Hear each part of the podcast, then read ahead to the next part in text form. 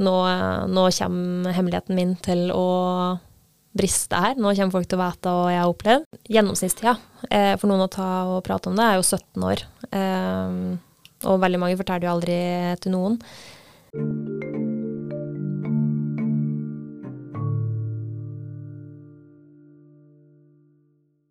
Velkommen til Også pasient, en podkast om usynlig sykdom, laget av meg, Kine Albrigtsen. Hvis du vil støtte jobben jeg gjør, så kan du bli min såkalte støttekontakt for ca. 35 kroner i måneden, eller du kan gi et valgfritt beløp én gang. Da kan du gå inn på buymeacoffee.com slash ogsapasient. Du finner også linken i episodebeskrivelsen og i bioen min på Instagram.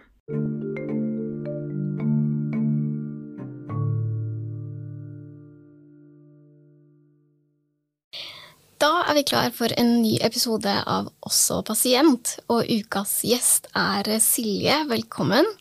Takk. Og vi skal snakke om et eh, forholdsvis tungt tema i dag. Vi skal snakke om seksuelle overgrep av eh, barn spesifikt. Mm. Men først kan vi ikke plassere deg litt. Hvor gammel er du? Hvor i landet bor du? Litt sånn småfakta. Ja, jeg heter Silje Gudal. Jeg er 30, blitt 30 i år. Eh, bor i Oslo. Eh, er fra Brumunddal, derfor har jeg litt, eh, litt, av dialekt, da. Mm. jeg har en datter som blir fem år veldig snart. Også en samboer, eller blir samboer. Vi er kjærester i hvert fall. Ja. Eh, og så jobber jeg da med trening. Så jeg reiser rundt i bedrifter og holder trening i arbeidstida for dem som jeg reiser rundt til, da. Så ja. Og så har jeg skrevet en uh, bok. Gratulerer så mye. Takk. Eh, 'Hemmeligheten' heter den da. Eh, og den er jo da basert på oppveksten min om eh, seksuelle overgrep. Eh, det å bo i et utrygt hjem. Eh, og det er da en barnebok, og jeg håper at den Målet med den er jo at den skal kunne være til hjelp, da. Hvis den kjenne at en trenger litt verktøy for å kunne prate om et vanskelig tema. Mm. Og det skal vi jo snakke mer om eh, nå. Akkurat når episoden slippes, så er boka ute, men den har ikke kommet ut helt ennå. Den kommer ut eh, denne uka. Ja, vi har fått melding nå at nå er den på vei. Oi, så det er når som helst. Ah, det blir veldig veldig bra. Mm. Jeg har fått lov til å lese den. Mm. Eh, den er veldig veldig fin og tar jo opp veldig mange av de tinga vi skal snakke om i dag eh, også. Um, kan du si litt om når eh, det begynte dette for deg? Liksom, hvordan havna du i den situasjonen at uh, du ble utsatt for seksuelle overgrep? Eh, det var mamma som ble sammen med en fyr, så det var da en stefar. Eh, og så bodde vi da i det hjemmet i mange år. Eh, han var veldig snill og grei utad. Sånn utafor huset så virka jo alt eh, rosenrødt og veldig fint. Så ingen hadde noen mistanker da, om eh, at det var noe som foregikk. Og så var jeg en sånn uh, snill, flink pike, da, så det var heller ingen som uh, skjønte at det var noe som foregikk da, hjemme. Men ja, jeg var seks år. bodde der til jeg fylte tolv, så det var ganske mange år. så var det da en hverdag med fysisk vold, psykisk vold og overgrep. Det er jo Altså, i de fleste episodene så går vi jo liksom grundig til verks i hva det er. Og det er kanskje et vanskelig ting å svare på hva er eh, seksuelle overgrep. Men kan man liksom si noe om hva er det egentlig? Fordi jeg føler at det er et tema som er så vanskelig å ta i. Hvordan skal man angripe det? Eh, nei, det er jo mange grader av overgrep, tenker jeg. Altså, hvis du føler at noen går over din grense mot din vilje, så er jo det et overgrep i seg sjøl.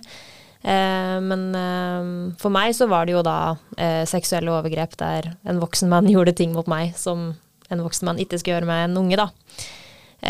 og så kan det jo være mange stadier av det òg. så det er jo litt vanskelig å definere akkurat hva det er. Mm.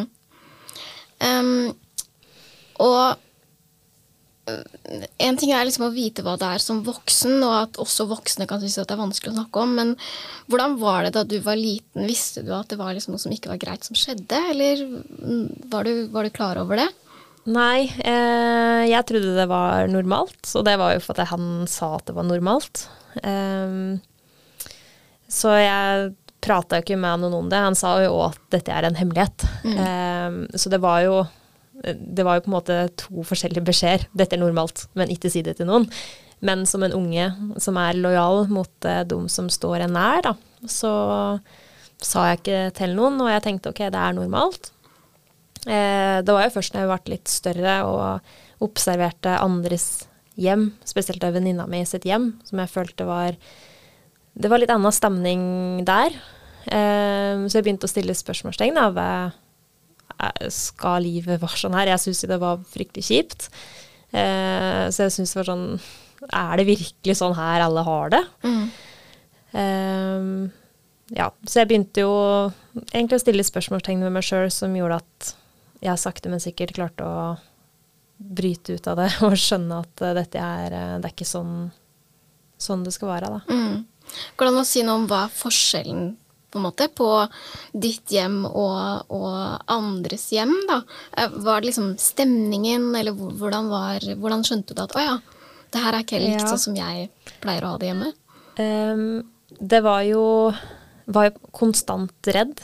Um, for i tillegg da til overgrep, så var det jo mye vold. Um, så han var jo sånn Den snille, gode fyren som alle så ut av, så jo vi òg innimellom. Eh, og det var jo den vi ville ha. Så vi gjorde på en måte alt vi kunne for å få den sida. For det gjorde at vi følte oss bra. Eh, men rett som det var, da, så var det jo en helt annen eh, versjon av han som kom fram.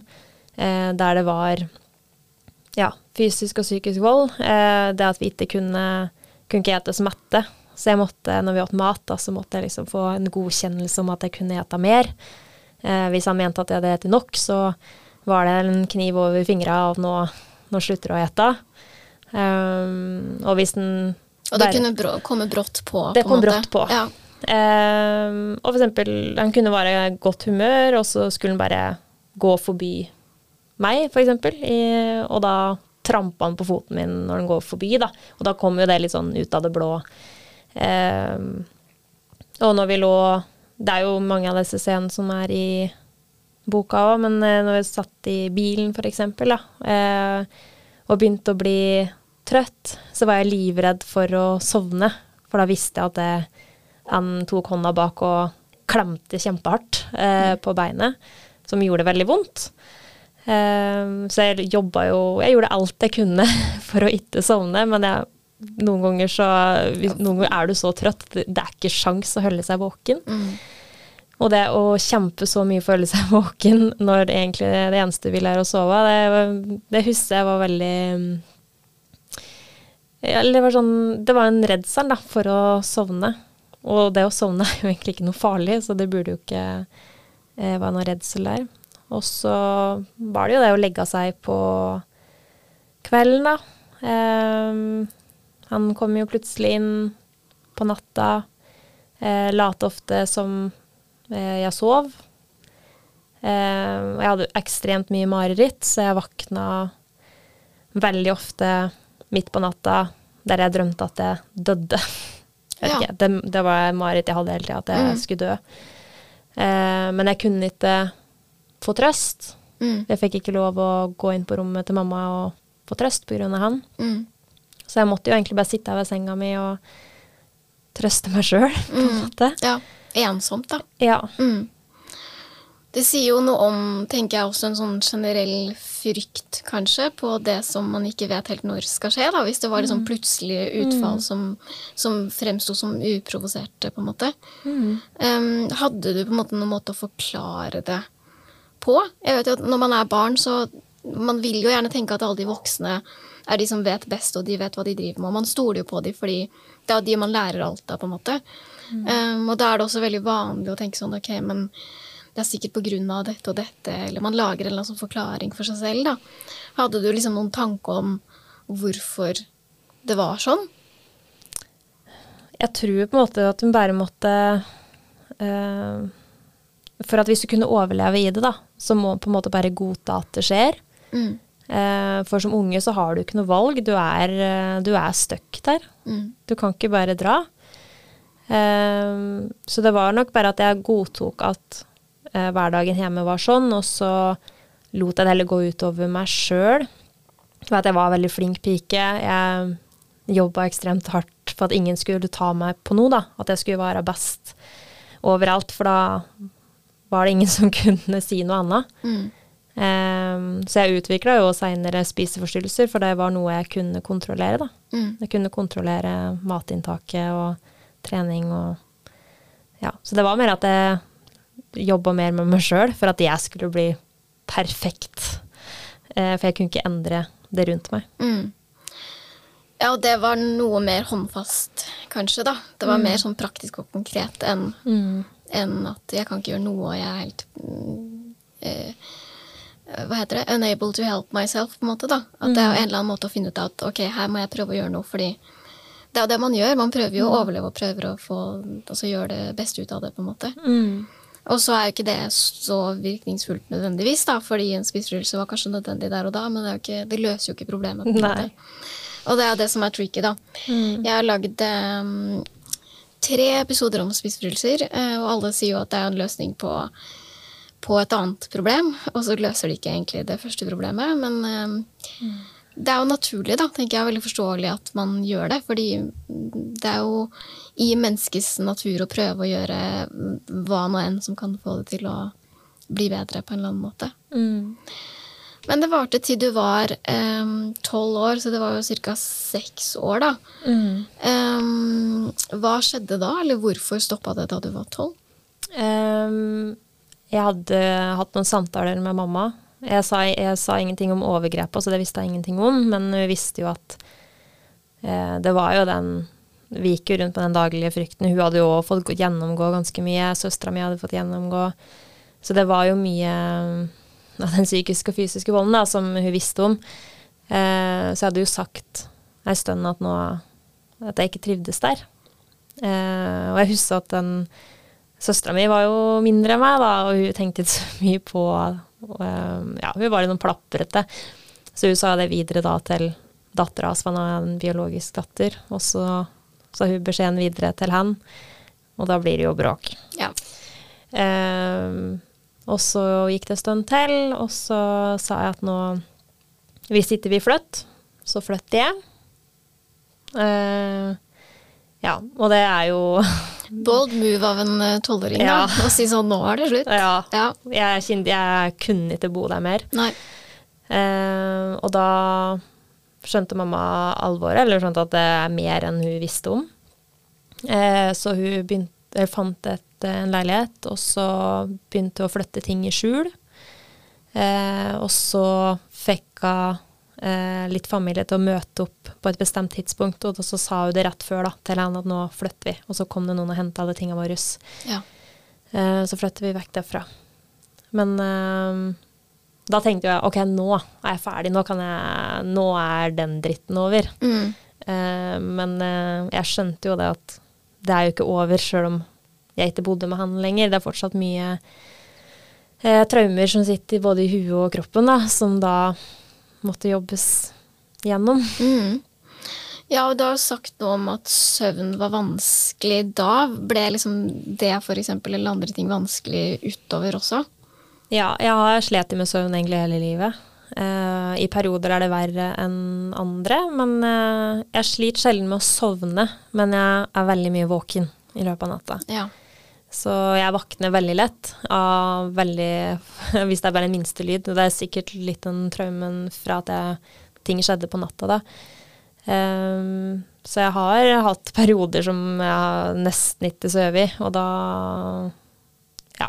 Det kjenner jeg ganske skadelig på Det er ikke noe blivende, blivende state, det, å ikke sove. Det er veldig, veldig ubehagelig. Jeg blir i hvert fall veldig sånn fysisk kvalm og blir bare dårlig av det, på en måte, av å ikke sove. Jeg så blir blitt sånn sløv. Ehm, ja, så det, det funker jo dårlig. Men uh, ja, i den perioden så har jeg da begynt å ta melatonin da bare for å få hjelp til å komme inn i en søvnsyklus. Mm. Men jeg vil liksom helst klare meg uten noe som helst. For jeg er, eh, er en stabukk. Ja, det er noe med det. ja.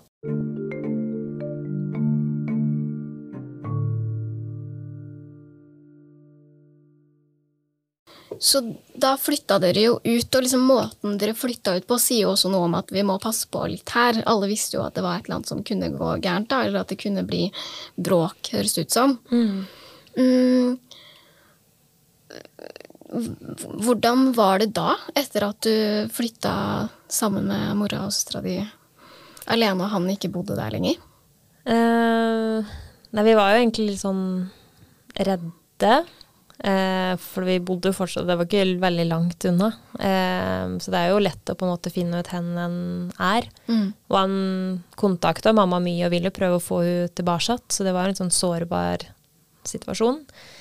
Og lillesøstera mi, da, hun var jo sint på meg, for hun ville jo ikke vekk derfra.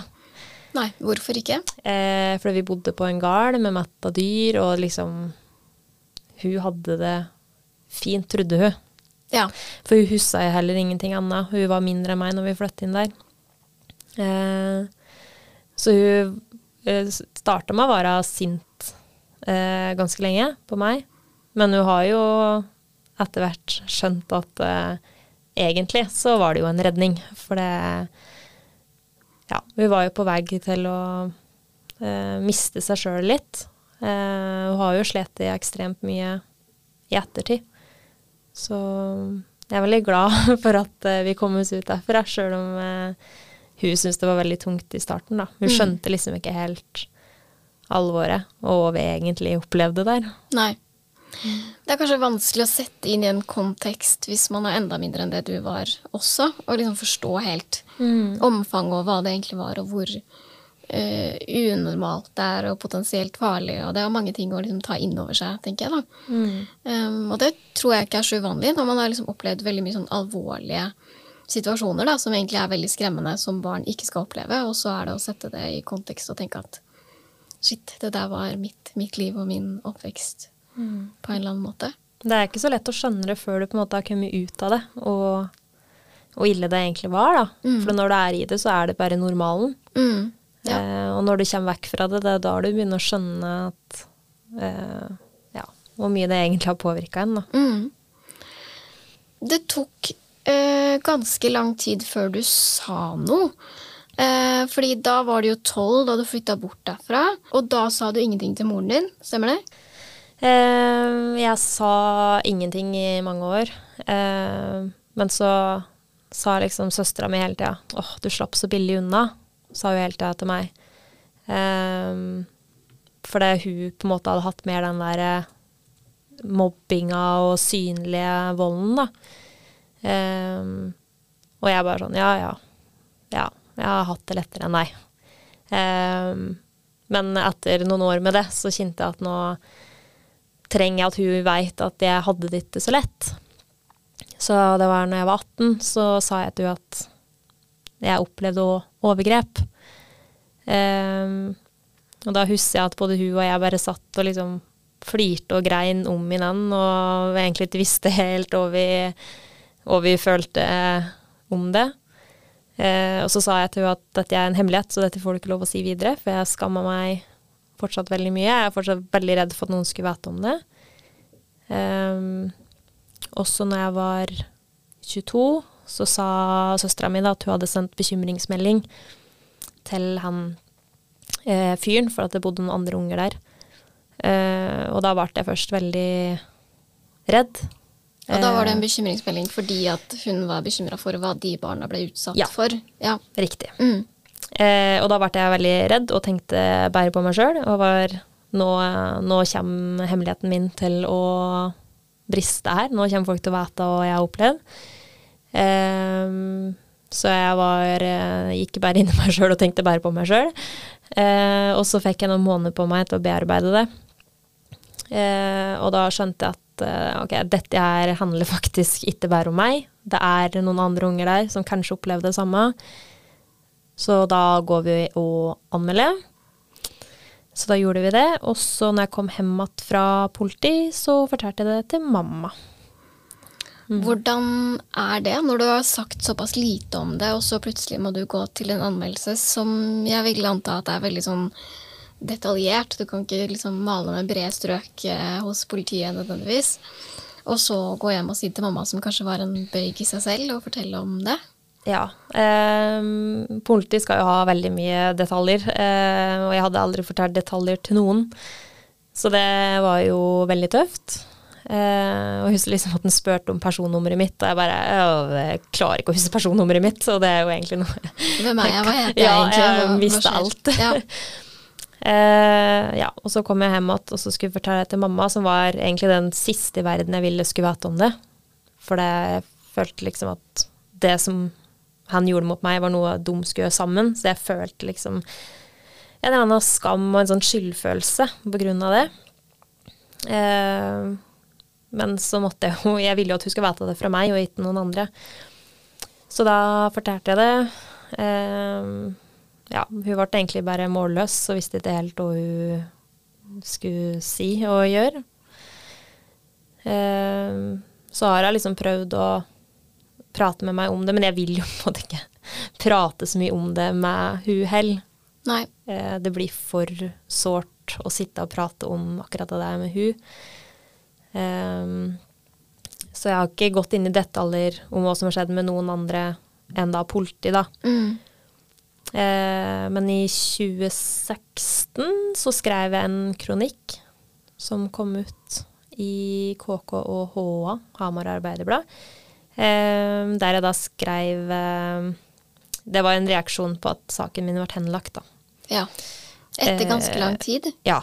Det er anmeldt i 2014, og så i 2016 så ble saken eh, henlagt. Eh, rett etter han hadde vært inne til avhør, så det tok jo veldig lang tid før han ble tatt inn til avhør, som er helt forferdelig i seg sjøl, med unger i hus. Eh, så jeg føler jo at det ikke ble tatt seriøst, Mm. og jeg føler veldig synd på de unger som måtte bo der så lenge før det helt tatt han var tatt inn til avhør. Mm.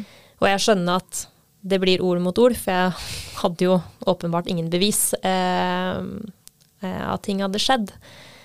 Men jeg blir mer sinna på at det tok så lang tid før de tok henne inn til avhør, enn at saken ble henlagt i seg sjøl. Mm.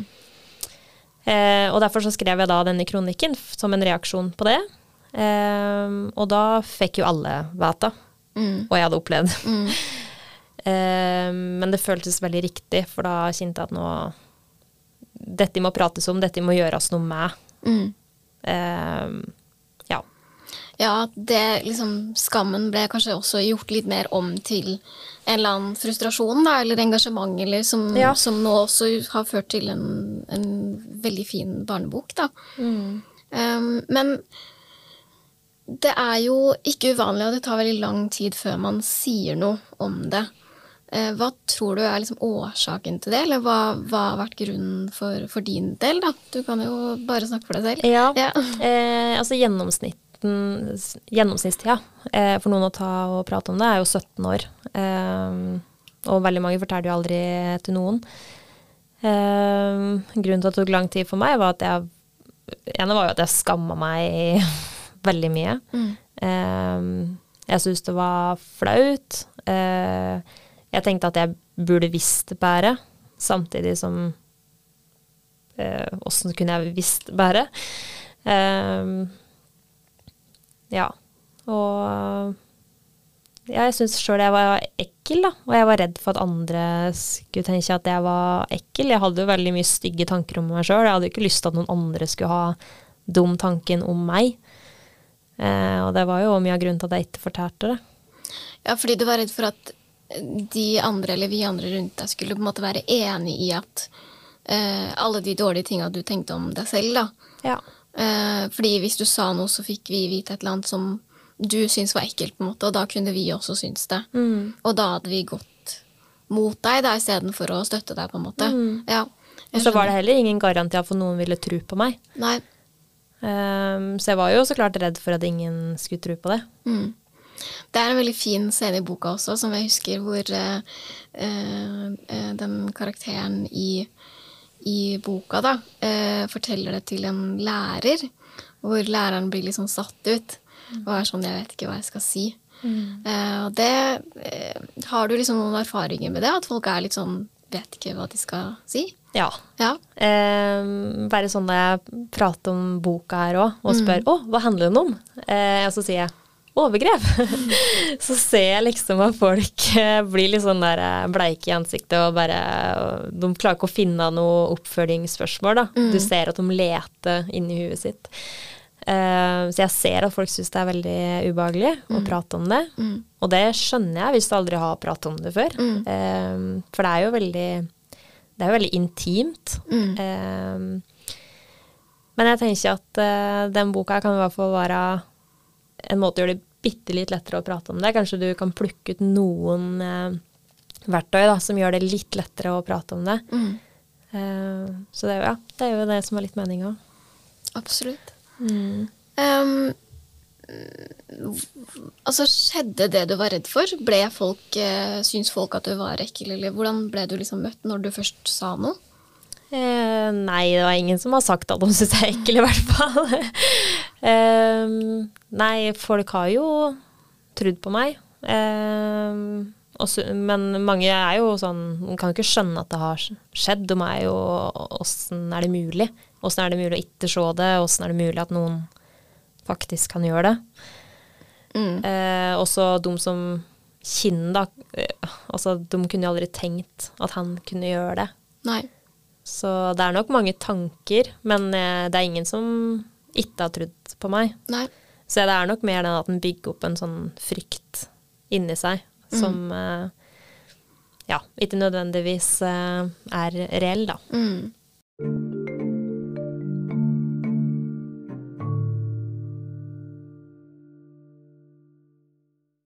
Hvis det er liksom noen som hører på som, som har opplevd noe lignende, som ikke har sagt noe ennå, er det noe man kan mm, si, eller har du liksom noen tanker om når man står og liksom ser på den kjempehøye dørterskelen og over til å faktisk si noe?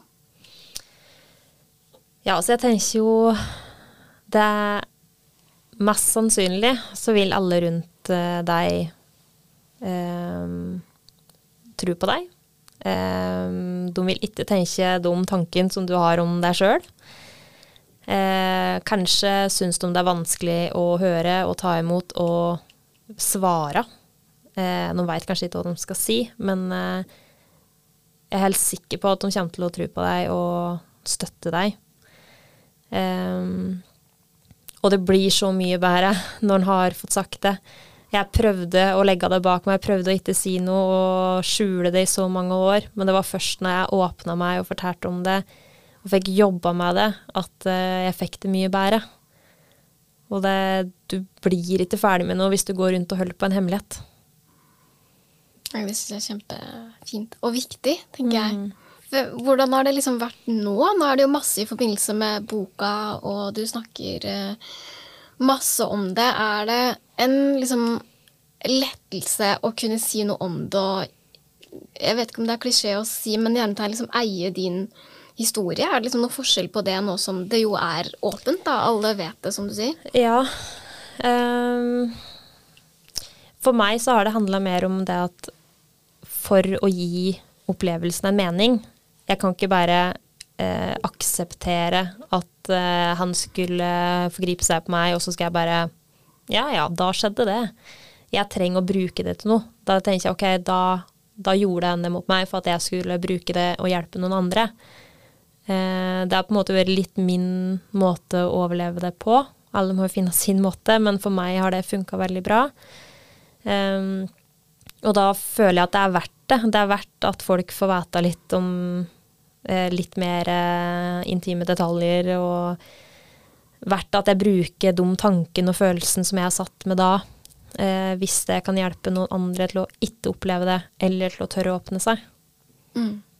Hva med barn, da? Fordi boka er jo retta liksom mot eh, barn. I hvert fall på sånn i, Hos forlagene så står det vel sånn rundt ni til tolv år. Ja. Eh, hva har du tenkt om det? Eh, at du ville skrive en barnebok eh, kontra en selvbiografisk bok, f.eks.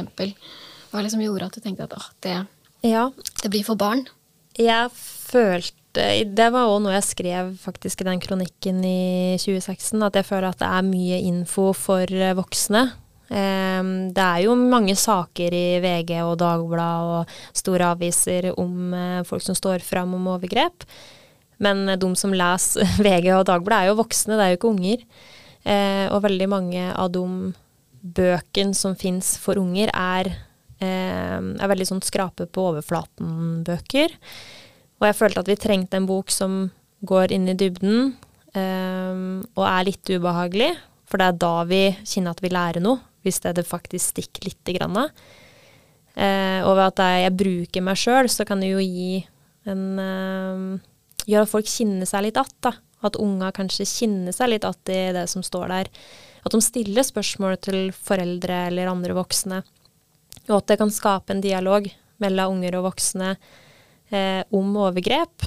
Eh, og et rom for å prate om det uten at det trenger å være så innmari skummelt. For jeg tenker sjøl i hvert fall at hvis jeg hadde hatt denne boka her, eller en, en film om overgrep, eller eh, at noen voksne bare hadde pratet med meg om det, så er jeg helt sikker på at jeg sjøl hadde åpna meg før. Mm. Men jeg måtte finne ut av det sjøl. Mm. Og det gjør du ikke når du er liten, hvis du ikke har noe tilgang på det. Jeg måtte bare tenke meg fram til er dette her normalt. Det, unger fortjener å få den kunnskapen, og det er vi voksne, vi har det ansvaret.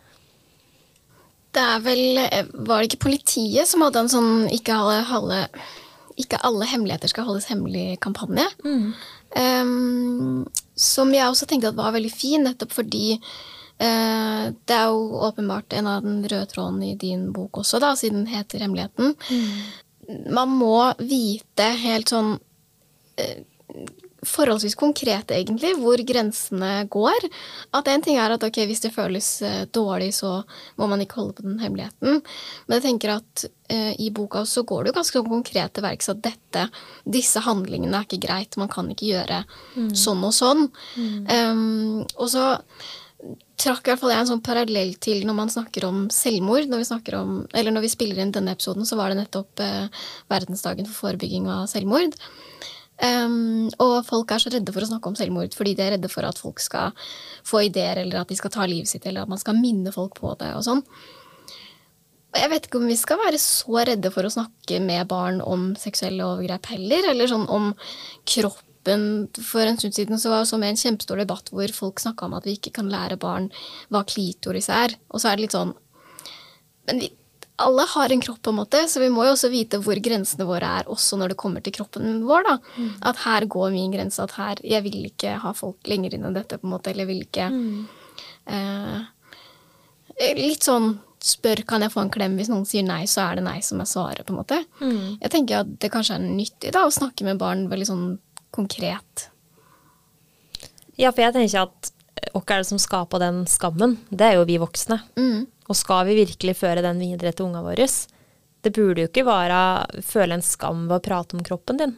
Altså, klitoris er jo en kroppsdel sånn som skulderen. Altså, hvorfor skal det være noe mer eh, skam å prate om den? Altså, vi burde jo bare, De vil jo bli kjent med kroppen sin. Det vil de jo få nytte av uansett åssen sammenheng det er i i livet. Så alle har jo nytte av å vite, kjenne sin egen kropp og vite hvor grensen går, at de eier sin egen kropp. Eh, ja, og at folk skal respektere det, da. Og så ja, liksom være konkret på hva som ikke er greit, da. Um, for jeg tenker at det handler jo kanskje om oss voksne, da. Det er jo vi som er avsendere av den beskjeden, og som må mm, fortelle om det. Fordi som du sier, da, ingen snakka om det.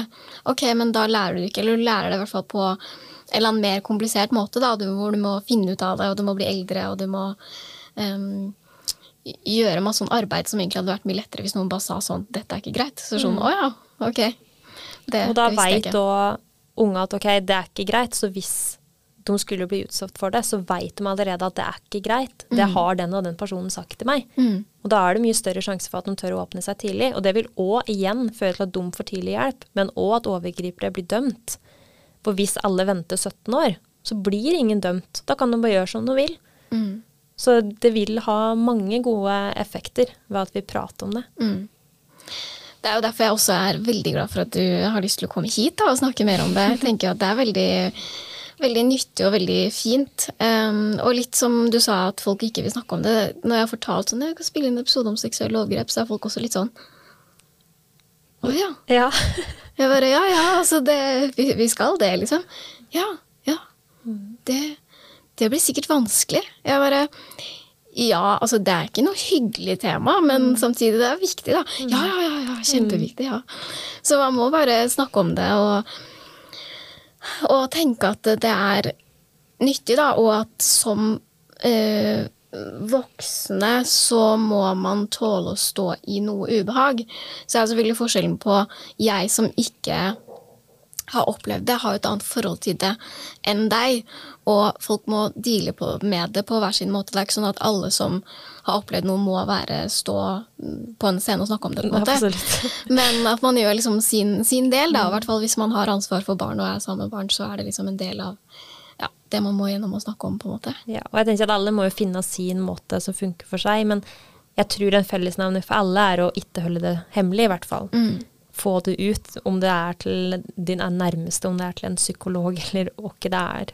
Så bare ikke hold det bære for deg sjøl, for da vil du bevare skammen òg.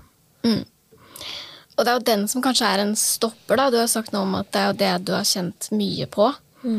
Har det endra seg når du har snakka mer om det? Har liksom skammen tatt en annen form? Ja. Eh, for når jeg begynte å prate om det og fikk bearbeida det, så skjønte jeg jo at det er jo ikke jeg som skal skamme meg, det er jo han. Det er jo han som har gjort noe gærent. Jeg har ikke gjort noe gærent. Jeg var en unge. Jeg gjorde det jeg trodde jeg skulle. Um, så det er viktig å bli kvitt den der skammen, for det er jo å lære det videre da, til unga at hvis noe sånt skulle skje, da er det ikke deres feil. Det er, eh, det er den personen som gjør det, som er voksen, og den personen veit at det der ikke er lov. Og det er jo voksne som har ansvaret i relasjonen voksen og barn. Det er ikke barnet som har noe magisk ansvar som de ikke har noen forutsetninger for å klare å påta seg heller. Det er eh, ja, viktig, å, viktig å huske på, tenker jeg. Ja, vi voksne må, vi må ta ansvar, altså. Mm. Det eh, Man får det ikke mer tydelig enn som så. Nei. Em, og jeg tenker jo også at i den forbindelse så, så har vi jo snakka litt om at det er jo ikke din eh, feil. Fordi det er vel også noe man kan kjenne på at åh, men det var min skyld, eller eh, jeg var med på det, eller et eller annet. Da. Det handler jo ikke om, om det heller. Nei, en fører jo alltid skylda innover, uansett egentlig hva det gjelder. Så er, er man jo veldig flink på å skylde på seg sjøl.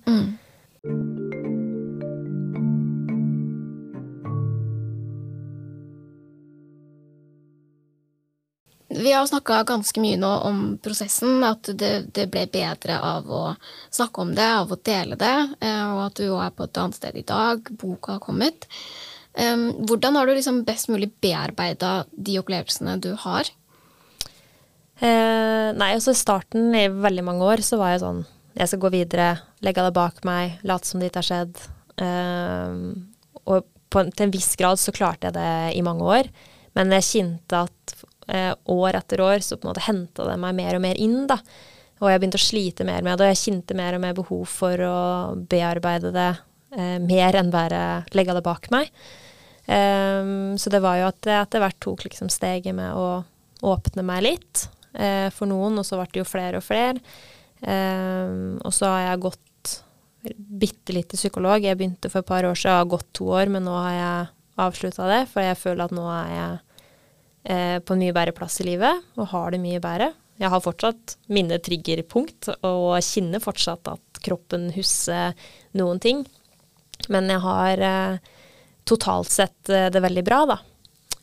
Og så har jo det å skrive vært en skikkelig god terapi for meg. Jeg har alltid elska å skrive, og det har vært en fin måte å jobbe meg gjennom det jeg har opplevd, litt mer detaljert, tenke godt igjennom hva som egentlig har skjedd, ikke bare legge det bak meg. Eh, og det å ha denne motivasjonen eh, til å kunne bruke det, da. Det er eh, Ja, jeg tror liksom det har vært liksom flere steg på veien som har ført meg hit, da. Kjempefint. Jeg tenker jo også at man liksom bygger litt stein på stein.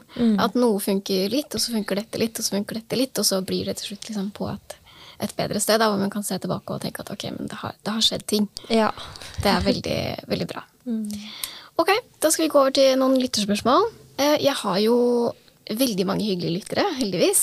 Eh, Og de lurer jo også på ting. Det er eh, flere faktisk som har lurt på om du var bevisst på at det var overgrep som skjedde da det skjedde.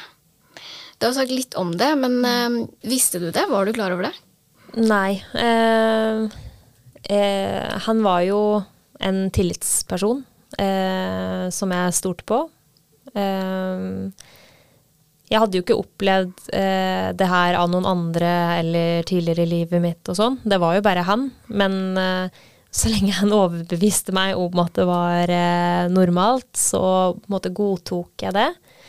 Eh, Sjøl om jeg eh, hata det.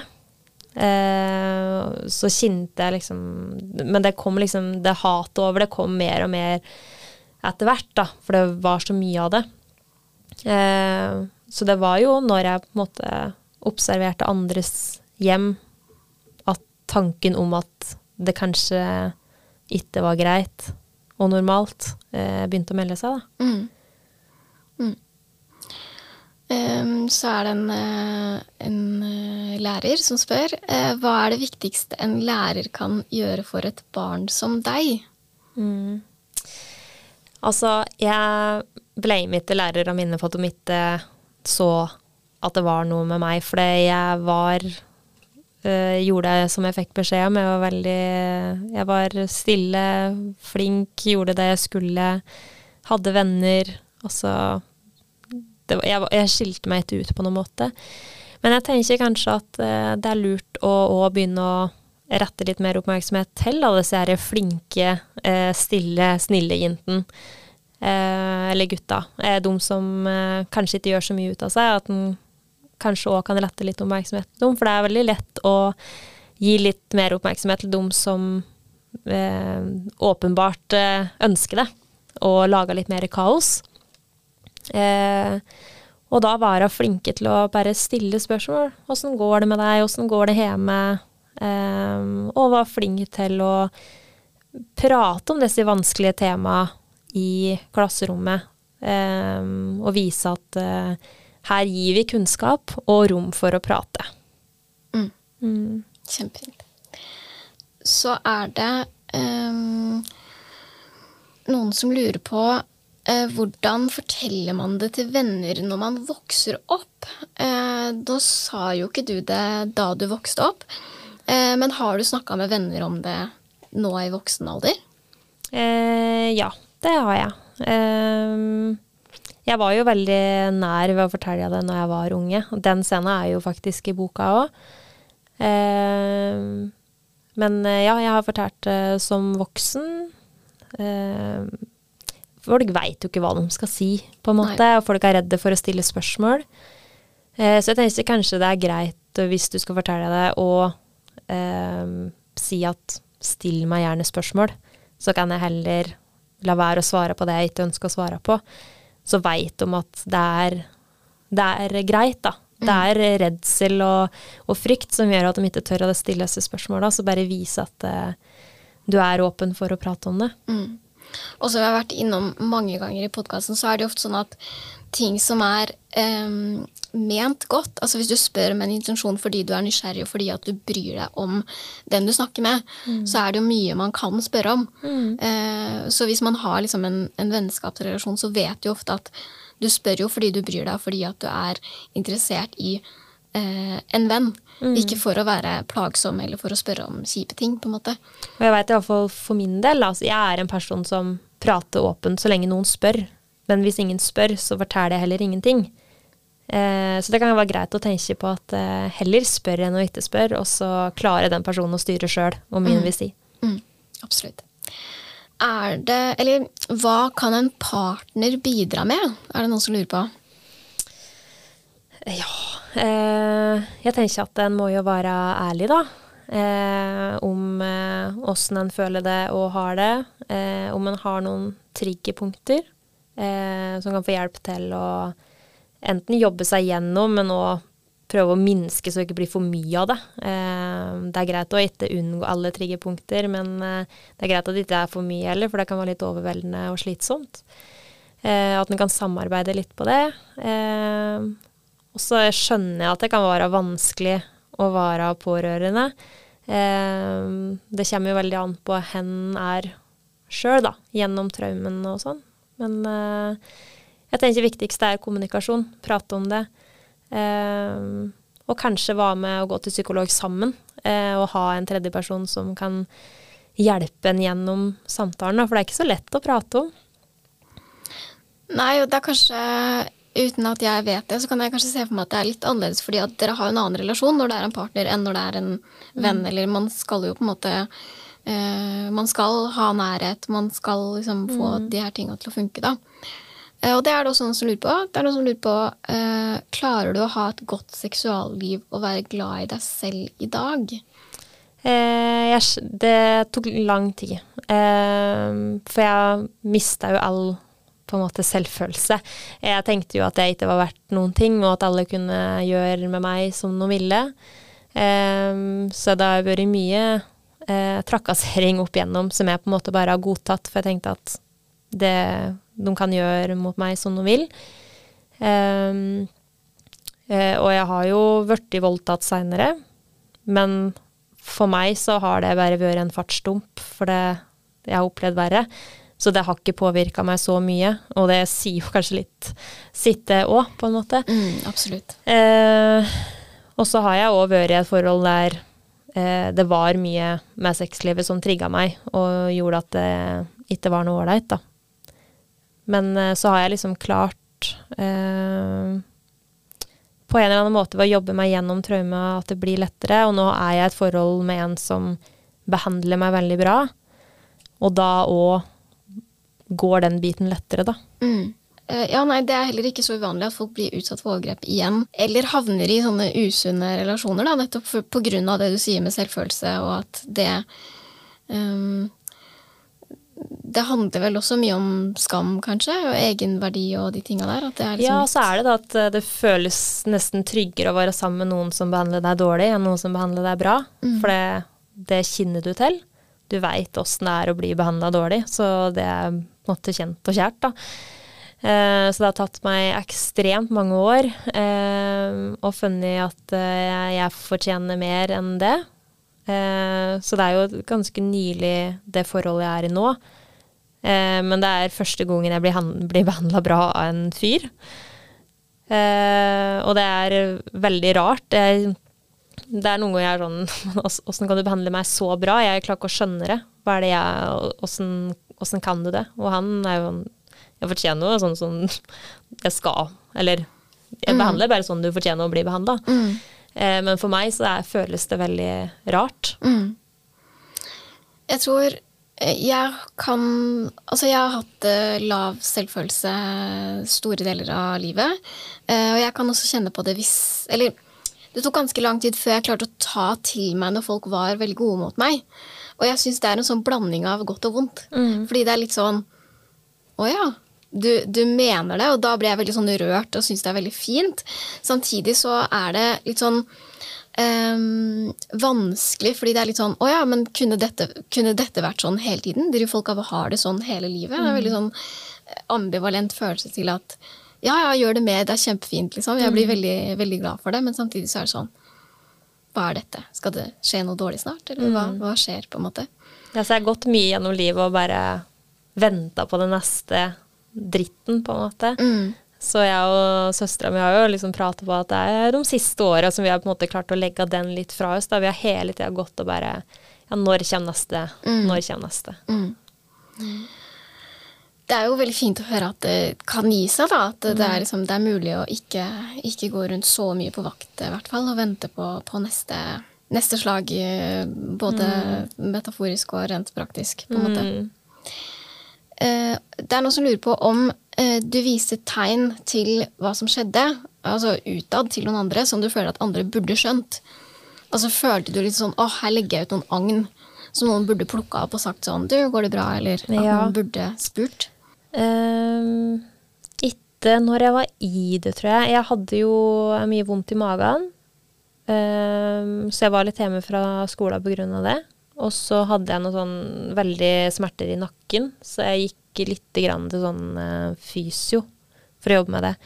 Eh, og det er jo på en måte Det er jo ikke normalt for en barneskoleelev eh, å slite med nakkevondt. Eh, Det er litt tidlig å få sånn kontor. ja, det er, eh, så ja, noen sånne ting var det, men bortsett fra det så var det Det var ingenting. Altså, jeg, jeg skjønner at folk ikke klarte å se det, men eh, jeg husker når jeg gikk på videregående, så gikk jeg på dramalinja. Og siste året da så skulle vi lage en monolog, og da lagde jeg en monolog om det her, da. Mm. Ah, da fikk jeg frysninger. Eh, ja. Eh, og så da var det kun læreren min og eh, sensor som så på. Eh, og når jeg var ferdig, så satt begge og grein, og så fikk jeg spørsmål om det var selvopplevd. Og da sa jeg ja. Men det var ingen som prata med meg om det etterpå. Virkelig? Oi, nå fikk jeg faktisk skikkelig frysninger. Herregud. Og så var det ingen som sa noe? Nei.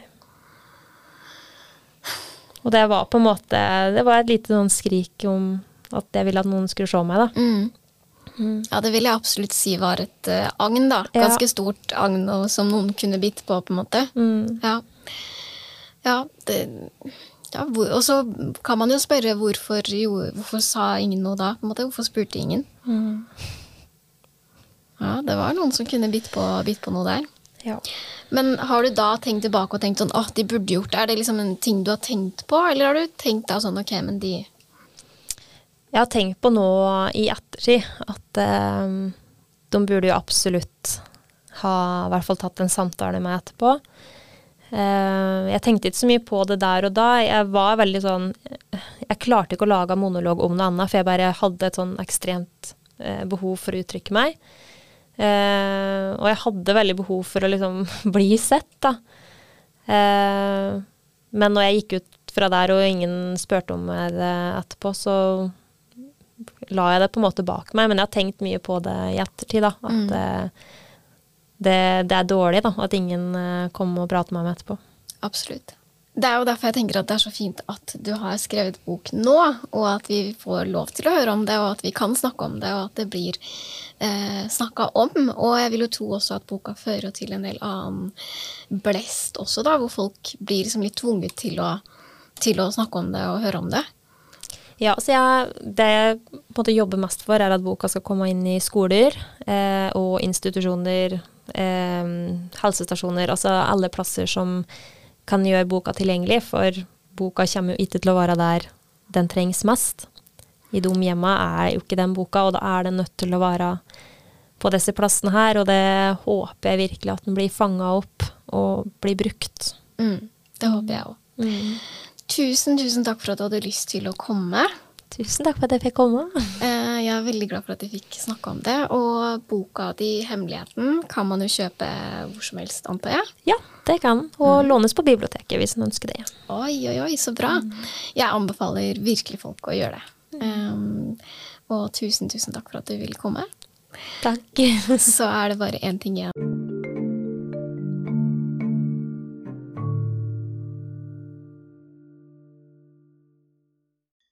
Det var også ukas episode, og tusen takk for at du ville høre på.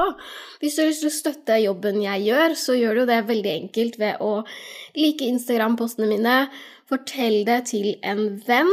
Eh, Det beste for meg er at folk sprer ordet, fordi da kan vi nå måla våre, som er å spre kunnskap, minske fordommer og skamme oss mindre. Det er rett og slett de tre tinga som er viktig for meg å bruke også pasientprosjektet til, da. Så hvis du har lyst til å støtte jobben jeg gjør, sånn at jeg kan fortsette å holde på med det, så kan du kjøpe meg en kaffe. Link til det finner du i episodebeskrivelsen. Så jeg vil egentlig bare si tusen takk, og så høres vi igjen om eh, to uker.